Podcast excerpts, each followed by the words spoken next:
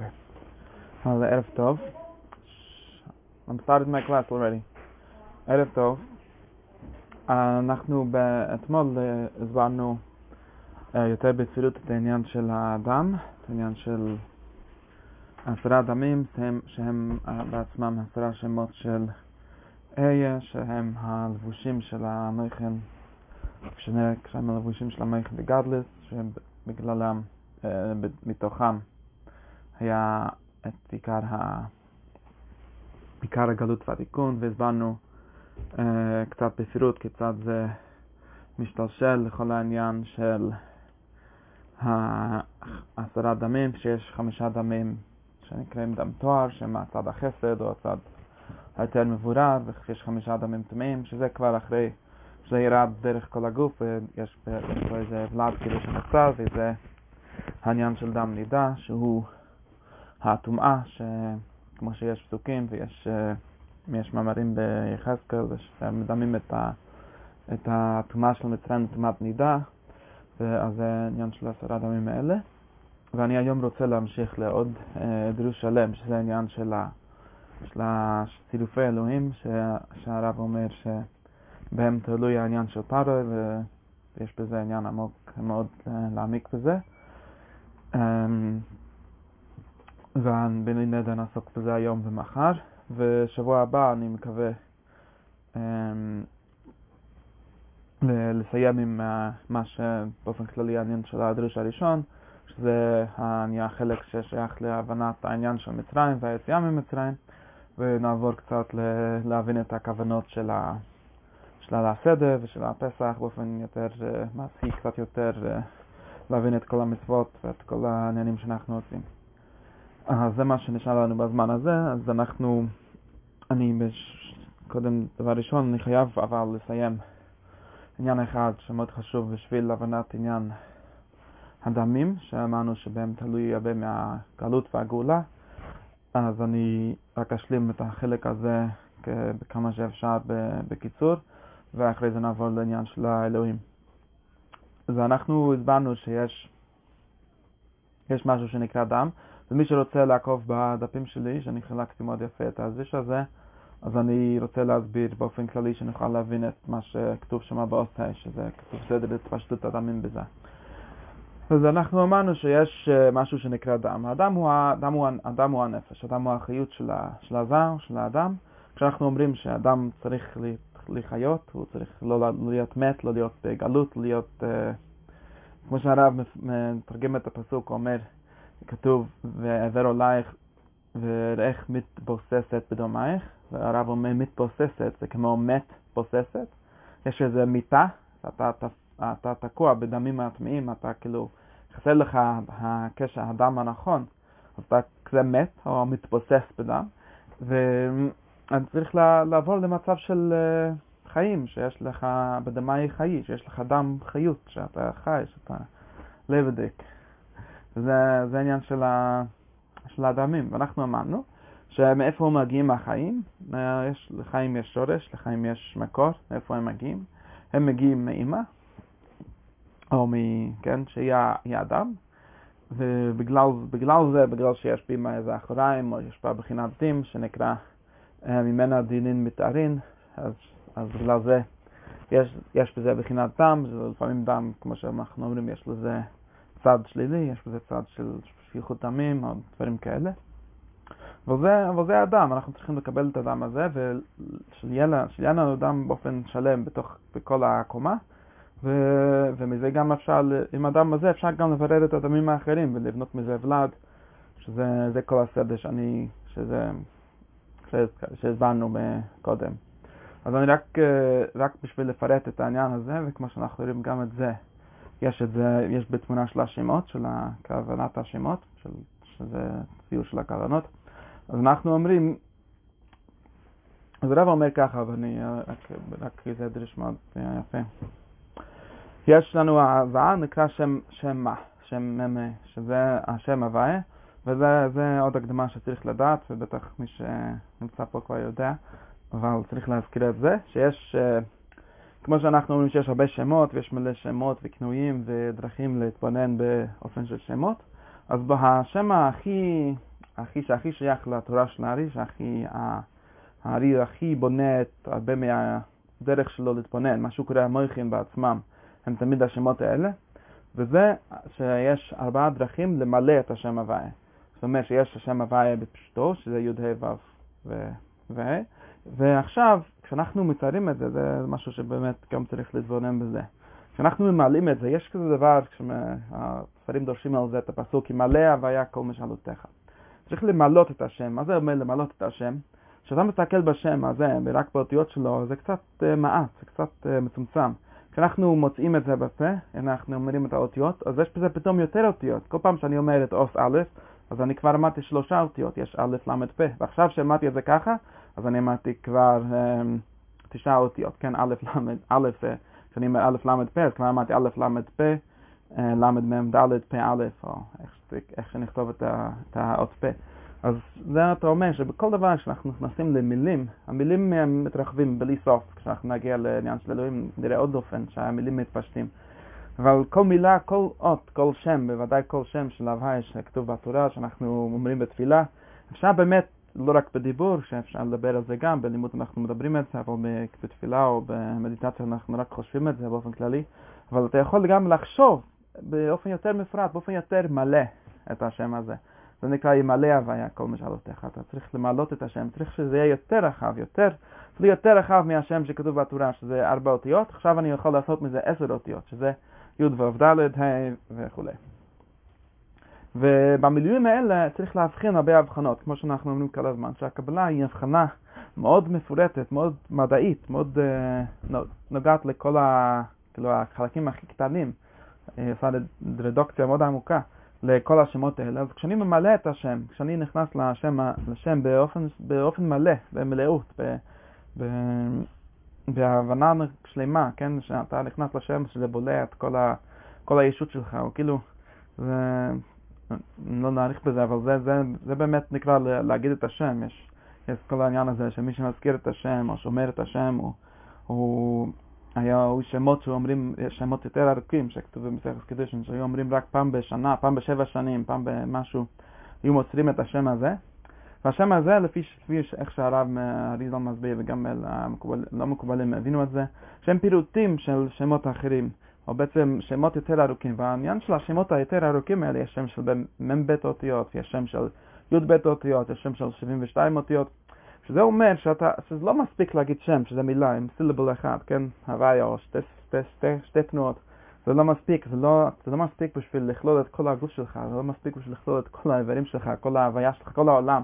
כשאתה אומר שם הוויה באופן של גאולה, באופן של מלאות, זה שם שיש בו הרבה אותיות, שבאת כל האותיות האלה אפשר לכלול בהם את כל, ה, כל העולם. אתה צריך שזה יכלול את כל הרגשות, את כל הדימויים, את כל המראות, את כל השמועות, את כל, ה, כל החושים.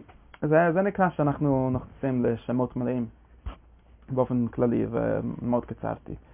ועכשיו, השמות המלאים האלה, יש בהם, אפשר להבחין בהם כל מיני הבחנות, זה לא סתם. כשאנחנו פותחים את השם, כשאנחנו אה, נכנסים, לו, נכנסים אליו במילוי, אז, אז, אה, אז פתאום אה, אנחנו מבחינים שיש פה דרכים ללכת בהם. כמו מה שאני אומר, אתה פותח את השם י', אז באופן כללי י', יש, אין בו הרבה דרכים ללכת. י' ו' ד', זה לא סתם שהי' הזה לא מתחלף, זה, כי זה השורש, זה, זה מקום יותר, בינתיים, יותר מרוכז, יותר י' וחכמה. ואחרי זה אני אומר ה', אז המילה ה', העושה, אני יכול לכתוב את זה, אני יכול, זה רק לכתוב את זה, כן? זה לא שאנחנו חושבים עכשיו אופציות כיצד אפשר לכתוב את השם, ועם זה אני בונה דריש שלם. כשאתה נכנס, אתה, אתה רואה בסידור שלך, אתה רואה בכוונה שלך את העושה של השם, ואתה רוצה להתבונן בו, אתה רוצה להיכנס לזה, שזה יהיה לזה בית שלם, כמו שאנחנו אמרנו, בדעת חדרים ימלא. צריך למלא את הבית בשם הזה. אז פתאום אתה רואה שיש הרבה דרכים לפרט את זה, אז עכשיו אנחנו עוסקים בדרך של המילוי. אני יכול ללכת בכמה כיוונים, יש לפחות שלושה כיוונים ללכת עם העושה הזה. אני יכול לכתוב ה' א', אמ, שתי, שתי כיוונים, ואני יכול לכתוב ה' עם שתי ה', והשלישי, אה, שלישי, ואני יכול לכתוב ה' י', זה שלושה דרכים להגיד את העושה, או למלות את העושה של השם. וזה יוצא שיש לפחות שלושה דרכים להגיד כל שם שיש בו ה', כן, כמו שם הוויה, או כמו שאנחנו אומרים שם איה, שהוא, יש בו שתי ה' וי' וא' שהם לא, אין בהם יותר ממילוי אחד, אז יוצא שיש שלושה דרכים להגיד את השם עקר, שבאופן כללי זה נקרא כסוק כמנכנו, שזה המספרים של השמות האלה. ועכשיו בשם הוויה, יש פתאום עוד דרך, כן? בגלל שיש בשם הוויה עוד, אות, שהוא האות אה, ווב, וווב בעצמו גם אפשר לכתוב ביותר מדרך אחת, או כמו בשלושה דרכים בעצם, אפשר לכתוב וווב, אפשר לכתוב ווב יותר ממילוי עם א' בין שני הוובים, אז ווב א' ווב, אפשר לכתוב אה, ווב י' ווב, אז זה יוצא יש לנו בעצם כמה דרכים לכתוב את השם, שזה בעצם יוצא, אני לא זוכר את החשבון, יוצא אה, כמה וכמה דרכים, אבל אריזל נוקט באופן כללי רק ארבעה שמות עיקריים, שהם נקראים אב סג מה בן. אב זה שאתה מלא את הכל ביד, אז אתה אומר י' ו' ד', הי' ו' י' ו' הי', זה השם אב, שזה שייך ליד של השם, זה שייך לספירת החוכמה או לפרצוף הבא. ועכשיו יש לנו שם סג, ששם סג הוא שם מעורב, שזה עומק גדול, מי שיודע לחשוב את זה, אבל זה שם שאנחנו עושים עם למלא את העין בי' ואת הוו עם א', זה שם מעורב, ובאמת מי שחושב אפשר גם לעשות שמות אחרים, ויש בזה גם עומק למה אנחנו לא עושים אותם, אבל כן אפשר לעשות הפוך וכל מיני צילופים שאפשר לחשוב. ואחרי זה יש עוד, עוד שתי אופציות פשוטים שנקרא שם של אלפין, שזה נקרא שם מה, שאני יכול למלא את הכל עם א', י' וד', ה' א', ו' א', א', ואני יכול למלא את הכל עם ע', שזה אומר שהו' הוא, בגלל שאין בו ה' אז הוא כאילו חסר, אז אנחנו כותבים י' וד', ה', ה', ו', ו', ה', ה', זה השם בן, זה שייך לספירת המלכות, זה ארבעת השמות האלה באופן כללי חוכמה, בינה, תפארת מלכות, או אבא ואמא זהב ונוק, שזה ארבעת ההצגות העיקריות שאנחנו צריכים להכיר בשביל כל העולם, וכמו שאנחנו אומרים בתיאוריה יש עוד כמה שהם שייכים לעוד מקומות ואנחנו לא, לא עוסקים בהם עכשיו. ועכשיו, אם אנחנו עוסקים בספירת הזהב, מי שרוצה לכוון באמת את הזהב מבחינת השם הוויה שלו, המילוי של ההוויה שלו, שזה כמו שאנחנו רואים בצורה מלאה לכוון אותו, אז הזהב הוא שם מה? הוא שם שבגמטריה בן וחמש, והוא השם הזה שיש בו עשר אותיות י' וד' ה' א' ו' א'. עכשיו השם הזה, כמו שאנחנו רואים שיש בו עשר אותיות, אז כמובן זה העשר ספירות של הזהב בעצמו, כשאנחנו מפרטים אותו, אז יש בתוך המה יש עשר ספירות, שהיוד זה החוכמה, והכתב והחוכמה, והו"ב זה, כן, זה החוכמה, זה, זה הבינה, וכולי. וכמי שמי שעקב עד עכשיו, הוא זוכר שהשם בן יש לו רק תשע אותיות, שזה באמת אה, חיסרון של המלכות, יש לו רק תשע ספירות ואין לה עשר ספירות מלאים. בכל מקרה, אז עכשיו, אם אנחנו רוצים להגיד, אנחנו, בואו נחזור לתמונה שלנו ונבין איך מתרגמים את זה. אנחנו אמרנו שהאדם של האמא, האחריים של השם אה, כן? הוא צריך להיכנס לתוך עזה, אז צריך למצוא איך לכוון, איך להכניס בתוך עזה, בתוך השם מה, צריך uh, להכניס את, ה, את השם מ"ד, כן בעצם, את השם אהיה בריבוע. כן, זה מה החדש לתיקון, אבל זה, זה עוד ריש, אני לא, כן, שנייה, אני רק עונה. באופן כללי, במה שאנחנו מדברים על התיקון, זה נכון, שבשבירה היה רק שם בן באופן הכי כללי, שזה לגבי הזון לפחות, בעצם לגבי הכל, והשם מה הוא, כן, והאפסג עם חשבון אחר, אבל אני לא מדבר על הדריש הזה של, הדריש של אק בעצם, של השבירה והתיקון, אנחנו מדברים על אפסג מהבן של ה... שנמצאים בפרצופים אחרי התיקון, שהם כולם מושרשים בכל הסיפור הזה, אבל, אבל כן, ודאי שזה שייך לזה, אבל אני לא, אני לא, לא מתרכז בכיוון הזה עכשיו. השם מה באופן כללי עכשיו הוא, אפשר באמת גם, כן להיכנס לעניין הזה, אבל באופן כללי אנחנו פשוט חושבים את זה שיש ארבעה פרצופים עיקריים שהם הפסק מהבן. שבוודאי באיזשהו ערך אחר, הם, הם בעצם השבירה, השבירה זה כביכול שיש רק, רק בחינת נפש או רק בחינת תענוג ואחרי זה התיקון זה שיש בחינת רוח שזה השעמה אבל זה כבר ש... בוא, בוא לא, לא נתבלבל כי מספיק דברים אני אומר. אז, אמ, אז בואו נחזור לעניין שאנחנו מחשבים, מכוונים את השם מה אז אנחנו אומרים שאנחנו צריכים להכניס בתוך השם הזה את האחוריים של איה, שזה הבינה. אז כיצד עושים את זה? אז הרב אומר משהו מאוד, מאוד נפלא למי שמכוון את זה, למי שעושה את זה. אנחנו עושים ככה, אנחנו צריכים לחפש איפה בתוך השם מה יש איזה מקום שאפשר להרחיב אותו עוד פעם, לראות, לראות בתוכו את האדם הזה. ואיך אנחנו עושים את זה? אז אנחנו אומרים שיש בתוך השמה יש לו שלוש אלפים, יש שלוש, שלושה פעמים האות א', כן? הה' יש א', עבור זה יש א', האחרונה יש לו א'. האלף הזה, א' תמיד הוא שייך לשם, לשם אקה, לשם איה. זה, זה הסוד של א', שזה עוד דבר שאפשר להעריך פה. א', כשאנחנו אה, פותחים את האלף, זה בעצמו יכול להיות האיה, כאילו זה מתחיל עם א', זה, זה כלל כזה. אז עכשיו, אם אתה רוצה לכוון כיצד השם של דם, השם של מ"ד נכנס לתוך המ"ה, אתה מכוון שבתוך ה... אנחנו נפרט אחרי זה איזה, איזה א', אבל לפחות נגיד בתוך הה' ראשונה של השם, אמ, של השם אה, מה, אז אתה יכול לפרט את האלף, פתאום כשאתה רואה את האלף הזה, אתה אומר לא סתם אלף, אתה אומר אלף, בסדר, אלף, אלף, ה', אלף, אלף, ה', אלף, ה', ה', ואז פתאום זה נקרא שאנחנו מכניסים, אנחנו ממשיך, רואים את הדם שנכנס לתוך, ה, לתוך המה. אז זה באופן כללי ההברקה הגדולה של הכוונה הזאת, שאנחנו מכוונים אותו בספירת עומר ואולי בעוד מקומות. ממש שאפשר להסתכל בסידור, מי יש לו את, ה, את הדפים שלי, אני שמתי תמונה למטה שאפשר לראות את זה, איך כביכול אני מפרט את האלף הזה לאלף, אלף, אלף, אלף, ה', כאילו כל השם של אייש הוא מתחיל בעצם עם אלף אחד, ואז הוא, הוא הולך קדימה לאלף ה' ואלף ה' וכל ה... כל העניין הזה, וזה נקרא, אומר הרב פה בסוף האות הזה, מספר, אמ, שנייה, איפה כתבתי זה? במספר 4, זה סוד הפסוק, שופך דם, האדם באדם. שמי שחושב על הפסוק הזה מיד רואה שיש פה דם, האדם באדם. זה פסוק מאוד מעניין. מה זה דם, מה, מה זה ששופך דם את האדם באדם? כבר כל המפרשים כבר שמו לב שזה פסוק אה, קצת מעניין, מה, מה, איך קוראים את זה.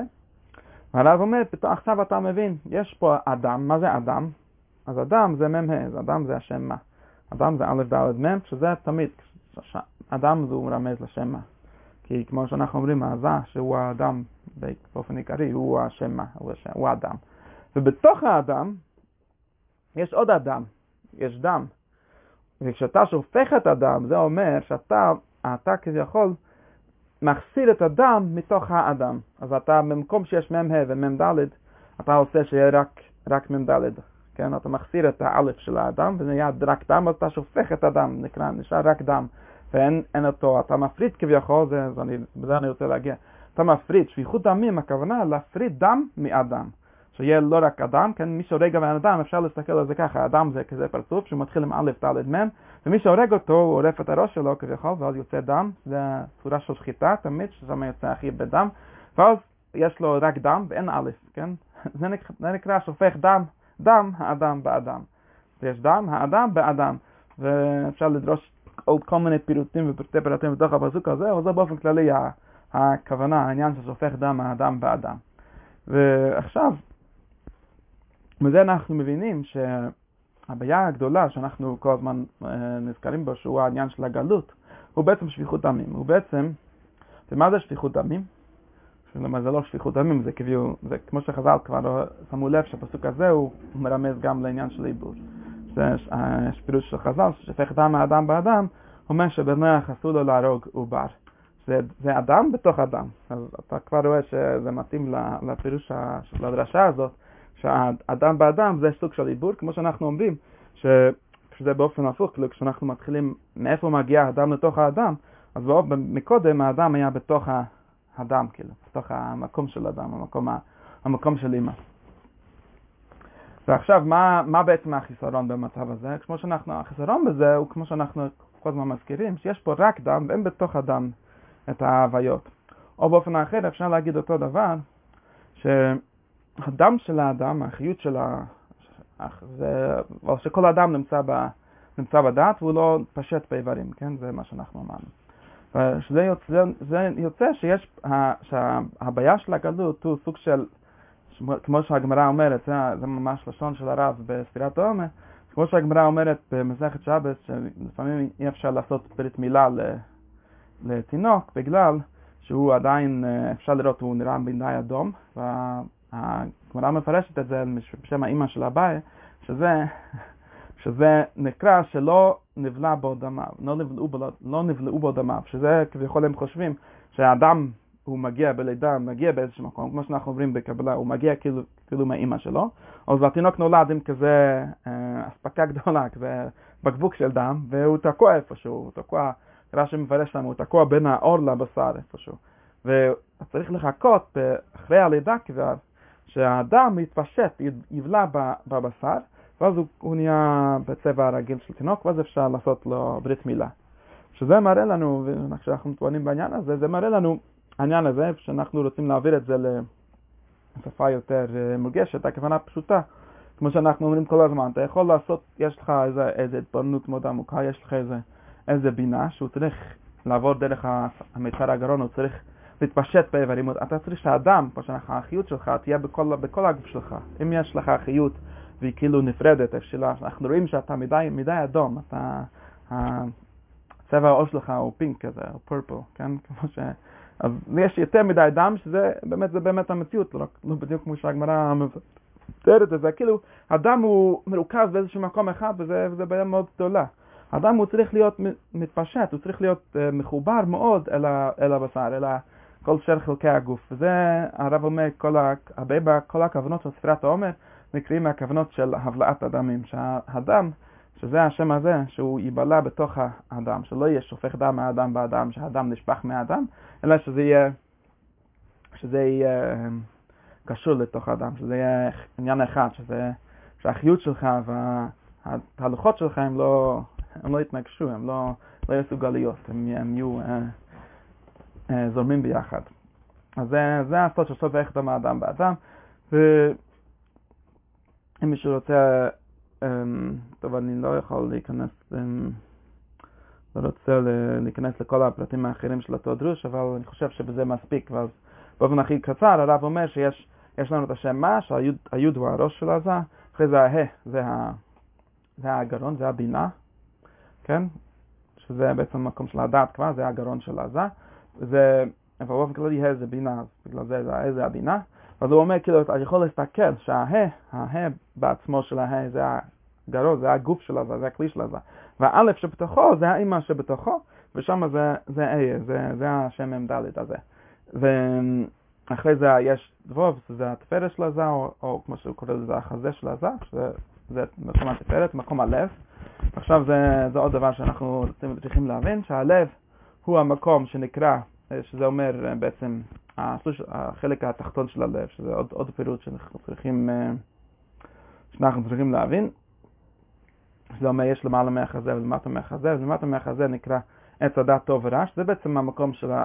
כאילו אני יכול לזה החלק התחתון של הלב, שזה נקרא בלשון חב"ד התקלות הלב, שזה אומר שעץ הדת טוב ורע זה כשאתה מדי מרגיש את, ה, את, ה, את החיות, מדי מרגיש את זה, ואז ברגע שיש איזו הרגשה מאוד פתוחה, הרגשה מאוד uh, מתפרצת לחוץ, זה לא מופנם, זה לא, כמו שאני אומר, זה לא לגמרי נבלע עם, ה, עם האיברים, זה נקרא עץ הדת טוב ורע, כי ברגע ש, שזה ככה, זה, זה כבר נקרא שיש אחיזה, שיש מקום ללכת בזה לרע.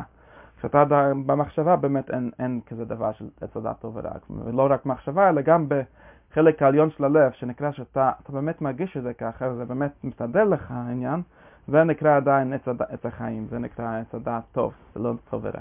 עץ הדת טוב ורע זה כשאתה כבר, כבר רוצה להרגיש את זה, כמו איזה חסיד אישית כזה חגת, חגתית, וזה באמת מקום של עץ הדת טוב ורע. ואחרי זה האחרונה זה בעצם הענוק, ששם זה כל הסיפור שהזכרנו מקודם, של עשרה דמים וכל העניין הזה. ועוד משהו מעניין להתבונן בו זה שהרב לומד את כל הסוגי הדם האלה מהלכות אה, איסור אכילת דם, שאנחנו לומדים במסכת אה, קריסטס, במסכת חילין קצת, שיש שלושה סוגי דם לפחות. שיש, אה, הדם העיקרי שהתורה אסרה, זה רק מה שנקרא הדם שהנפש תלוי בו, והרב קורא לזה דם, דם חיות, שזה הדם שיוצא מיד כששוחטים מישהו מהצוואר. וזה הוא לומד שהעיקר הדם זה כאילו בצוואר, כאילו הרביעי דם הזה שיוצא ברגע שאתה שוחט את הבהמה. ואחרי זה יש עוד דם שנקרא דם הטמצה, שזה כאילו השלב השני, אני חושב שזה מקביל לדם השני פה שנכנס באבוב, שהשם השני פה. ואחרי זה יש דם שלישי שנקרא דם האיברים, שזה הדם שסתם נמצא בתוך האיברים, וזה, יש, אין על זה איסור, כן, איסור כרת, יש רק בסלב, וזה נקרא הדם השלישי, לפי מה שאני מבין פה, זה הרבה עניינים של אנטומיה, האריזה למד מהלכות במסכת חולין וכל הדברים האלה שהוא נמצא בעולם הזה שהוא צריך לחפש לכל דבר איך זה כתוב בגמרא, זה כבר עוד עניין. טוב, אז אנחנו uh, עוברים מהעניין של הדמים האלה, וכפי שרק כן, uh, זה היה מובן, כי אחרי זה שיש הבלעת דמים, אז אנחנו יכולים לעשות בעצם דם, דם מילה, שזה אומר להשתמש בדם בצורה נכונה, ומי שלמד את הכוונות של המילה, הוא יודע שזה גם להשתמש בעץ הדעת טוב ורע, שזה יהיה מגולה, שזה נקרא עניין שלם, שזה נקרא היין של המילה, ש... שהוא גם סוג של דם, כן, יין ודם הם, הם דומים, ו... וזה, וזה נקרא, אם יש לך הבלעת דמים, אז אתה יכול גם למול את הדם, ואתה גם יכול לעשות uh, ברית מילה, שזה דם, סוג של דם, שזה, שזה בדמייך חיי, לא בדמייך מתבוססת, אלא בדמייך חיי. טוב, אז עכשיו אני, אני אמשיך לעניין הבא, שהוא מאוד חשוב, ואני חייב לעשות עם זה משהו. ומקווה שעד מחר נסיים את זה.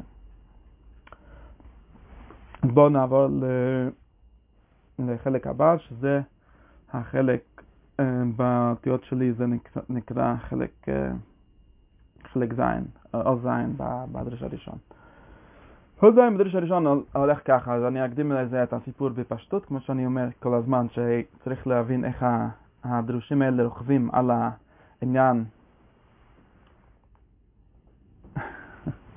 בסדר, ודאי, ודאי.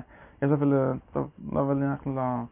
אמ, אני, אני, אה, שנייה, כמו שאני אומר, שזה מאוד חשוב, בשביל להבין, אפילו להבין את הדריש, הדריש שלו בעצמו, חייבים להבין את ההקשר, הוא הרי לא מגיע מכלום, זה באמת טעות של הרבה מקובלים, בפרט מקובלים האחרונים, שהם לומדים את הארי, כאילו זה החומש שניתנה למשה מסיני, והם שוכחים שהוא בעצם מפרש את החומש, הוא מפרש את הזוהר, הוא מפרש את המקובלים שקדמו לו, הוא מפרש את הנגלה שקדם לו.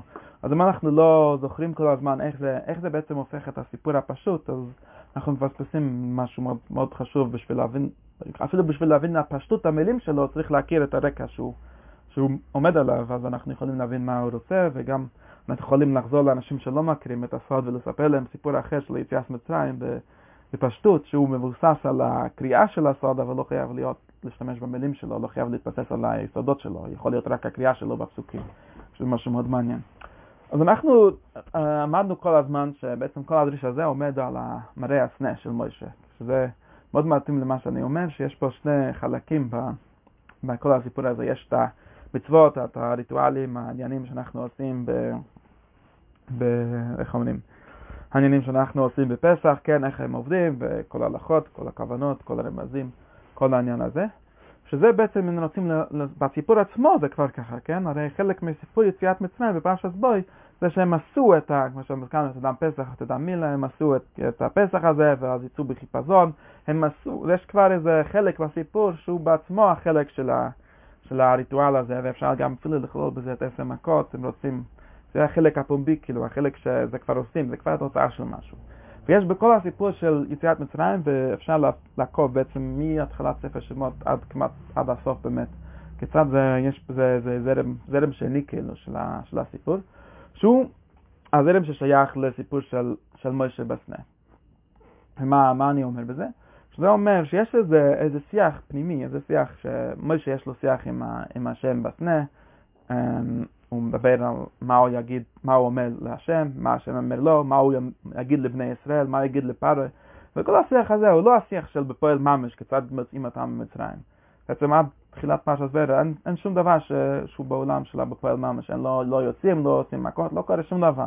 זה הכל שיחות, זה הכל uh, עניינים פנימיים, עניינים של מחשבה, עניינים של... Uh, וגם מראה הסנה הוא קורא למוישה בעצמו, הוא לא קורא לכל העם, לא, זה לא לעיני העם, זה לא לעיני כל ישראל, כמו שכתוב בסוף התורה על המופתים של מוישה, ובין מוישה להשם, וגם אחרי זה כשהוא מדבר לבני ישראל, או כשהוא הולך לפרוי, הוא הולך לבד לפרוי לפעמים, כן, כמו שיש פסוק מפורש, והדגיש את העניין הזה שהוא מדבר עם פרוי כשהוא יוצא המימה בבוקר, הוא יוצא לבד, כן, זה לא, הוא לא...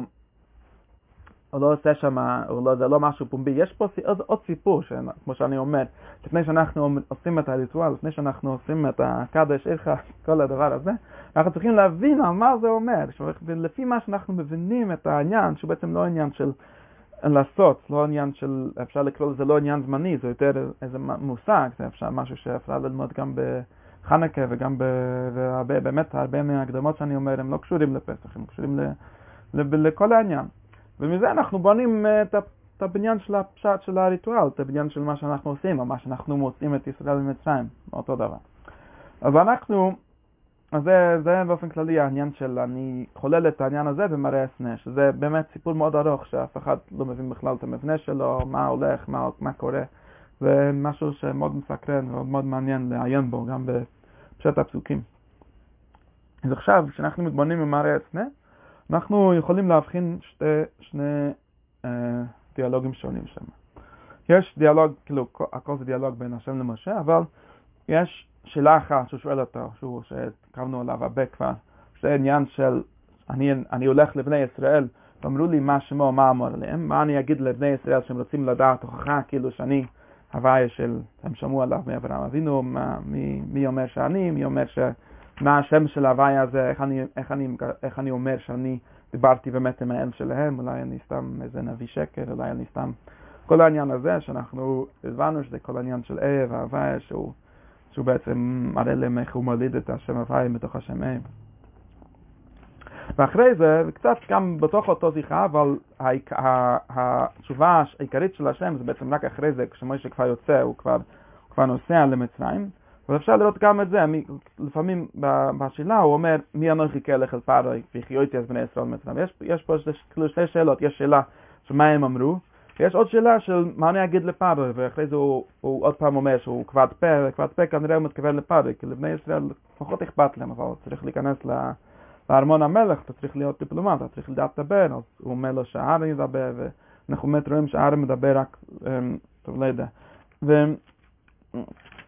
ו... אז, אה, אז זו שאלה שנייה, כאילו יש שאלה אחת אה, תיאולוגית, כאילו אפשר לקרוא לזה, של מה השם שאני מספר לבני ישראל, או כמו שדיברנו כל הזמן בכוח, איזה שם, איזשהו, איזה חידוש באלוקס אני מחדש לבני ישראל פה. יש עוד שאלה שלא התקבנו עליו, שזה איזה חידוש באלוקס אני מספר לפר.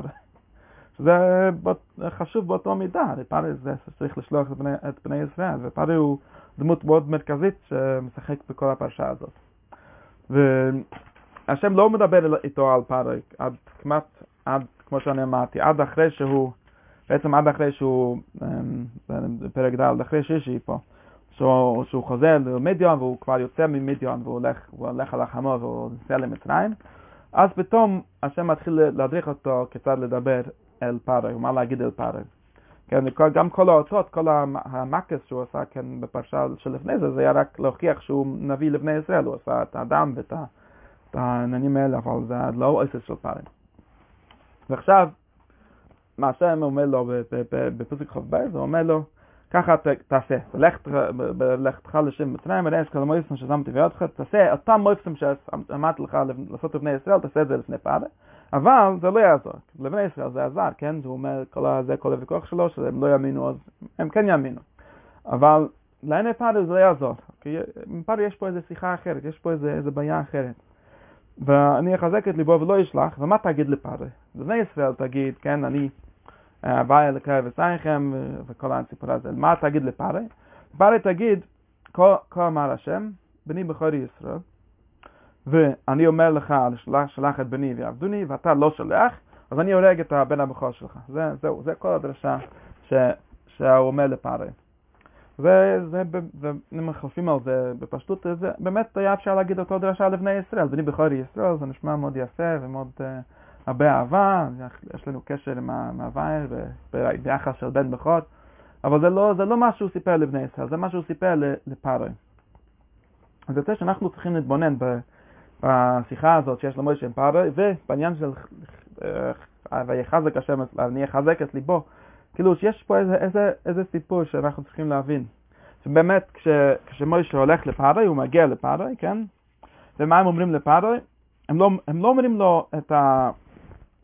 את כל, ה... את כל הדברים שהם אמרו לבני ישראל. הם מגיעים לפארה בפרק ה' ואחר בו מוישה ואן ומן על פארה, כה אמר השם לקי ישראל, לך סתם יכול להעמיד בו. ומה פארה אומר? פארה אומר משהו מאוד, מאוד דומה למה שבני ישראל, כן? זה, זה מה שאני נוטה להבחין. בני ישראל הם, אומרים, מה שמו, מי, מי זה האל הזה? ופארי אומר בעצם משהו מאוד דומה, אבל אנחנו קוראים את זה מאוד שונה. הוא אומר לו, מי, מי הוויה שאשמה בכל אלוהי לשלח את ישראל? לא ידעתי את השם, לא ידעתי את הוויה, וגם את ישראל לשלח. פארי בעצם אומר לו, מי זה הוויה? אנחנו לא שמעתי מהעולם מה, מהאל הזה. אז אני לא יודע אותו, ואני גם לא אשלח, ממילא, אני גם לא אשלח את בני ישראל. אז בעצם על פי הפשט הם עונים לו, הם אומרים מי זה הוויה? אלוקי העברים, זה, זה התשובה שלהם. בקיצור, אבל זה לא עובד, זה, רק עושה תכבד אבוי, זה רק עושה אה, אה, תכבד להתחזקות של לב פרעה. ובאופן כללי אנחנו תמיד על פי הפשט לומדים שזה איזה סתם, סתם התעקשות של פרעה, כאילו, אפילו על פי הפשט זה לא נכון, אבל ככה אנחנו כולם, כולם לומדים בבית ספר. פרעה היה פקוירס, היה שייגס, הוא אמר מי השם, מי הוויה של השם בקוילה, כאילו, מי הוא שאני צריך להקשיב לו, ואני בכלל, שהסיפור הזה הוא מסתכל בכל ה... בכל הרשימת העלילים שלו, והוא לא מוצא את הוויה שם. והוא מתכחש לזה. אז עכשיו, הארי, הארי מצא בזה עניין מאוד גדול ומאוד עמוק לדבר על זה. כי באמת אנחנו צריכים להבין שצריך באמת לספר איזה משהו לפארי, זה לא איזה חוכמה להגיד, אנחנו לא בעצם מדברים, הוא מחזק את ליבו, הוא לא מכיר בהוויה, אז הוא כבר יכיר, ניתן לו מספיק מכות עד שהוא מכיר, זה לא, זה לא משהו רציני, וההנחה שלנו תמיד זה שהתורה לא עוסקת בשטויות, היא לא רבה עם, משה רבנו לא רב עם איזה טיפש כשקוראים לו פארי, שלא הכיר שום דבר וצריך לתת לו מכות, זו התשובה היחידה שהוא מכיר. וגם אם ככה זה היה היסטורית, זה לא מעניין אותנו. אנחנו רוצים להבין בעצם מה, מה פארי, מה הטענה של פארי, זה כמעט כמו שיש את הדרשנות ההלכתית הזאת שאומרת שפארי יחז כמו השיטה של חמץ ועמלקה או כל מיני דברים כאלה. שזה לא, לא בחינם, כאילו יש, אנחנו באמת רוצים שהפארו יהיה מישהו אה, באמת שאפשר להתווכח איתו. אז, אז האריזון מתחיל ככה, ב, ב, שמעתי בעוז זין, במספר אחד. הוא אומר שפארו רשע היה מחשב גדול, אין כמוהו, הוא היה מחשב גדול, ובאמת זה גם, הוא מצטט את זה מחז"ל, ואני מצאתי שזה, זה באמת כתוב ב... בחז"ל במסכת זמנת כתוב שפארו היה, שבימי מוישה היה היה מחשב, יש שם דיון מה, זה, מה הכוונה. ובאמת זה די מפורש בפסוקים, מי שקורא את תחילת המכות, הוא רואה שיש איזו התמודדות של, של, ה, של החוכמה של מוישה, כאילו שהוא בא, והוא עושה את המטה לנחש, הוא עושה את המים לדם, ועושה צפדיה, כל הדברים האלה.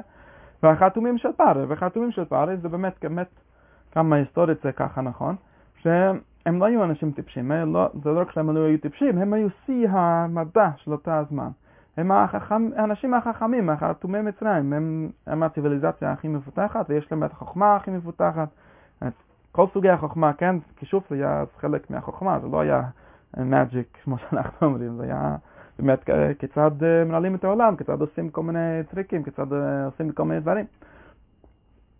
ומשה רבנו, כפי שאנחנו רואים בפשט הפסוקים, יש לו איזה, איזה דיון, איזה דיאלוג עם, ה, עם החבר'ה האלה. הוא מראה להם שהוא עושה כישוף יותר טוב, או מה, הוא, מה שהוא אומר להם, הוא, הוא אומר משהו. אז אה, וזה, זה, בזה הרב כן צריך קצת לחזר להגיד שפארי בעצמו כבר היה חכם, אבל זה גם די מתבקש שפארי לא היה טיפש, הוא היה המלך שלהם, אז בטח הוא, הוא היה קצת חכם גם, והזוהר אומר באמת שפארי היה הכי חכם מכל, ה, מכל החכמים, בסדר?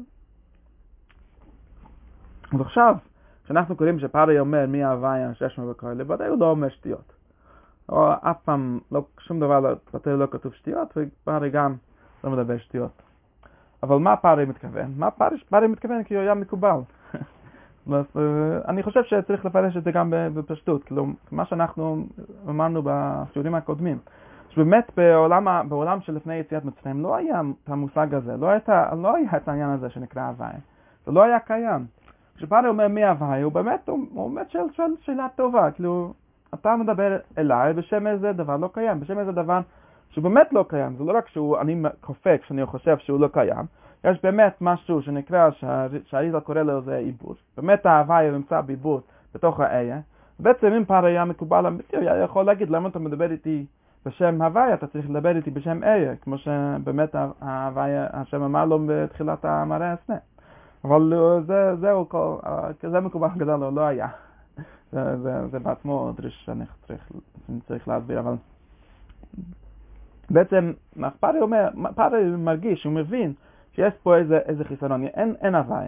יש, יש, יש משהו שנקרא עיבוד. ההוואי לא קיים, הוא נמצא בעיבוד. וזה באמת גם מוכיח את השיטה שלי להפיק מהמקובלים האחרים שמפרשים שזה לא כפשוטו העיבור הזה.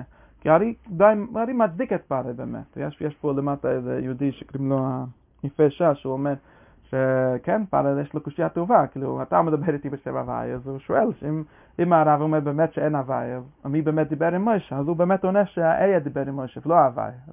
זה, זה, זה מאוד חמוד לראות איזה אחד כותב, נו, אז נכון שזה קושייה של פארי, אבל אני עדיין צריך לדעת את התשובה לקושייה הזאת.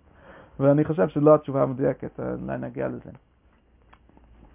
ובכל מקרה, אז פאדי אומר, אני לא יודע את ההוויים, ויש בזה, um, כן, הוא לא, הוא לא שמע, הוא, הוא אף פעם לא שמע על, על השם הזה, כי הוא באמת, הוא באמת לא קיים, הוא באמת, הוא באמת uh, המציא פה איזה משהו, הביא פה איזה משהו חדש, ובאמת, באמת הוא צודק, באמת, באמת הוא, הוא, הוא יודע שזה לא יקרה. אבל, שזה בעצם מה שאנחנו קוראים פה את, את uh, את בחינת, ה... בחינת העיבור, לא, לא בטוח מה אתה נותן משחקי שפה. Um, זה, זה נקרא בחינת העיבור, שהוא לא, לא uh, פארי עומד על הבחינה הזאת. ובאמת זה מאוד מעניין, כפי שהזכרנו בשיעור, בשיעור הקודם, בשיעורים הקודמים, שיש, פה, כמו שהרב אומר בסוף, יש פה איזה שתי בחינות, אחד שנקרא בחינת העיבור, והשני זה נקרא הסיפור של החסדים, כלומר הסיפור של האי והוואי, שהם בעצם קשורים, אבל הם לא אותו, אותו דבר. זה מאוד מעניין שכמו ש, כמו שאנחנו מחלקים, שיש פה שיחה שיש למוישה עם בני ישראל, כן, מה, מה שמו, אז שמה התשובה היא, תתבונן בשם איה, אבל לגבי פארי זה לא התשובה. התשובה לפארי, השאלה של פארי בעצם, לפי קריאה של הרב, התשובה לשאלה הזאת הוא, הוא בני בחורי ישראל, כן, אבל מה, מה הקשר לזה? התשובה של פארי הוא, של מוישה לפארי זה, כה יאמר השם, כה יאמר הוואי, בני בחורי ישראל. שזו תשובה מאוד גדולה. כלומר, וכפי איך שהרב קורא את זה בהמשך פה, הוא אומר, אתה אומר שיש עכשיו עיבור, כלומר, אין, אין, אין, אין, אין הבן של, של ההוואי, שזה בעצמו ישראל, הוא לא קיים, וכמו שה... שנייה, אני צריך להקדים משהו לזה. Um, בכל מקרה, בוא נסיים עם זה, כי אני, כי אני חייב לסיים משהו, זה כבר, כבר uh, הרבה זמן. אז מה, מה שאני אומר זה שבעצם פארי הוא, הוא בעצם זה שמתרכז במה שאני אמרתי לא לעשות, זה להתרכז בחיסרון. הוא מתרכז בעצם, כמו בהבמנה של מוישה רבייני, בסנה. הוא אומר, ההוואי לא ידעתי את ההוואי. בעצם גם מוישה שואל את זה, לא ידעתי את ההוואי, ובגלל זה אני אומר שצריך סולירט, שצריך 260 שנה בשביל לדעת את ההוואי. בעצם התשובה של השם למוישה היה שיש איה שהוא מלביש את ההוואי, ואפשר מתוך זה מספיק להתעכב, ומתוך זה כבר יופיע לך ההוואי. אבל פארי, התשובה של פארי הוא שזה, אנחנו, בעצם אנחנו מכחישים לו את כל הסיפור, ואנחנו אומרים שוודאי שיש הוויה, אני דיברתי איתו, והוא מדבר איתך, והוא אומר, בני בחר ישראל, שבוא נפרש את זה לזה, שישראל פה זה הזרע בעצמו, שהוא אומר, כן, ודאי, הזרע אנפין הוא, הוא, הוא הבן, הוא, הוא הבן, כאילו אני הבן, הוא הבן של, של אימא, והוא קיים, הוא, הוא, הוא הופיע, לא, והפירוש של זה, אני, ברמה הזאת, זה כמו שאנחנו אומרים, שפארי צודק, הוא צודק אתמול, כן, לא ידעתי, כן, אתמול אתה לא ידעתי, באמת התוכנית שלי הוא לספר, הוא לגלות אותו, הוא להמציא אותו, הוא להוליד אותו. וזה שהפארי שאל, לא ידעתי הוואי, זה הוא צודק מבחינת הגלות, אבל בגלל, בעצם בגלל שהוא לא, לא מצליח למצוא מה, ש, מה שכן קיים בתוך הגלות, כמו שמוישה, שהוא מצליח למצוא את השם איה, שבזה הוא מוליד את ההוואי, אז הוא לא יכול, כן, כי הוא הקליפה, הוא לא שייך, ל, הוא שייך לזה, אבל אבל מוישה רבנו שהוא כן, כן מצא את הדרך, הוא בעצם אומר לו, נכון שאתה, שאתה עוד לא קיים, אבל הוא, זה יהיה קיים, זה יהיה קיים. וזה, וזה עכשיו נולד, כן? אתה שואל מי לא ידעתי את הוואי, כמו שיש בן בכור, יש, אין, אין בן, כן? הוא, הוא נולד, הוא, איך, מה זה הבכור? בכור זה הראשון, זה, זה העומק של הבכור פה. בח, המעלה של בן בכור זה לא שהוא הוא בן, כן? בן זה דבר טוב, יש לאדם בן, יש בן מבחינת עצמו, זה, זה דבר גדול. אבל הבכור זה זה שהמציא את המושג בן, זה, זה, זה האבות של הבכור, תמיד זה שאבא אוהב את הבן הבכור שלו, כן, כמו הפשט הפשוט, בלי בכורי ישראל, כביכול אני אוהב אותם, כמו הבכור שלי, למה אבא אוהב את הבן הבכור? כי הבכור הוא לא סתם איזה אוספה, הוא לא, הוא לא, לא בן שיש עוד בן, הוא בעצם המציא את המושג בן, הוא עושה את האבא שלו לאבא, והוא הבן הראשון. הוא, הוא, הוא, הוא הזה שהוא הוא המציא את הדבר הזה שנקרא בן. וכשאנחנו אומרים בני בכור ישראל, פארי לא מבין. הוא חושב ש... שיש פה איזה בן שצריך לחפש אותו, יש איזה זר שצריך לחפש אותו, מי הוויה שיש מה בכאלה, מי, מי לא ידעתי את הוויה. אז הוויה אומר, כן, אתה לא, אבל זה, זה עכשיו נהיה, עכשיו הרגע, ואתה תראה. אתה, אתה באמת תחזק את לבך, וכמה שתחזק את לבך, בסוף אתה תראה, אני אהרוג את הבן הבכור שלך, שזה נקרא, זה שאתה אתה, אתה תקוע, אתה יונק מה, מהזעם, מהדף הזה, שהוא, שהוא לא שום בכור באמת, הוא סתם איזשהו התנגדות לזה, או כמו, כמו שאנחנו אומרים, הוא יונק מהשיריים של מה, של מה שלא קיים. באמת, אתה כאילו, באמת, בהתחלה לא, הבכור שלך לא קיים, כי אתה באמת uh, במצב של העיבור, אתה באמת מבין את זה ככה, ולערכך זה באמת ככה, כי אתה באמת תמות, אתה באמת, אתה באמת נגמר כש, כשיהיה, כשיהיה באמת את הלידה האמיתית. אבל הבנים בכור ישראל, אני הולך להוציא אותו, אני הולך לגלות את הבנים בכור ישראל, שפה, בפירוש הראשון הזה, הוא מדבר בעצם על הוואי בעצמו. הוואי בעצמו הוא הבן הבכור, והוא באמת זה שיוצר, זה שמתגלה, זה שמופיע, זה, ש, זה שהורג את הבכור של, ה, של הפרש, שהוא אף פעם לא היה קיים באמת, שהוא צודק לגבי עצמו, שהוא לא קיים, ואני עכשיו מראה באמת את הזער, שזה החידוש הגדול לגבי פרש, שאומר שהזער בעיבור, הזער הוא לא בעיבור, הוא נולד, ונפסק, נגמר מבחינת עיבור, הוא נולד, ונהיה הלידה של בני בכורי ישראל, וזה זה, זה הסוף, זה הנקודה של העשייה עם פאדה, וזה באמת יצא לפועל במרכז בחורס, שזה, ואז נתקדשו הבכורות, זה נהיה, כאילו, זה, העניין תמיד, שהבכור, הקדושה, בני בכורי ישראל נתגלה, זה לא סתם שהרגו את הבכורות, ובגלל זה שניצלו, באמת צריך להיות איזה חידוש של העניין של הבכור, שהבן הבכור, שהוא, שהוא רמפים בעצמו, הוא נולד, הוא, הוא, הוא, הוא נהיה. וזה זה אנחנו מסיימים פה, ואנחנו נמשיך מחר להבין יותר, יותר מדויק. אמ, שתי הדברים האלה, קודם כל הסוד של הבן הבכור, שיש פה באמת, פארי כן למד, אבל לא אבין, אני אסביר יותר. אבל שנייה, אני, מחר, בעזרת השם, אני צריך לבאר יותר את העניין של הבן הבכור, כיצד, כי יש פה באמת קושייה, כן, אני, אם זה הבן של ההוואי או שזה ההוואי בעצמו, יש, אני קצת אמרתי סתירה. ודבר שני, אנחנו צריכים להסביר באמת יותר בעומק את העניין של השמות אלוהים, שפארי כן מבין אותם, שהוא לומד הרבה כוונות, הוא מבין את השם אלוהים, שזה עוד חלק שלם של הדריש שאני לא הגעתי אליו היום, נסביר אותו מחר. וזהו, ובשבוע שאחרי זה מקווה שנמשיך לעניין של הכוונות המעשיות.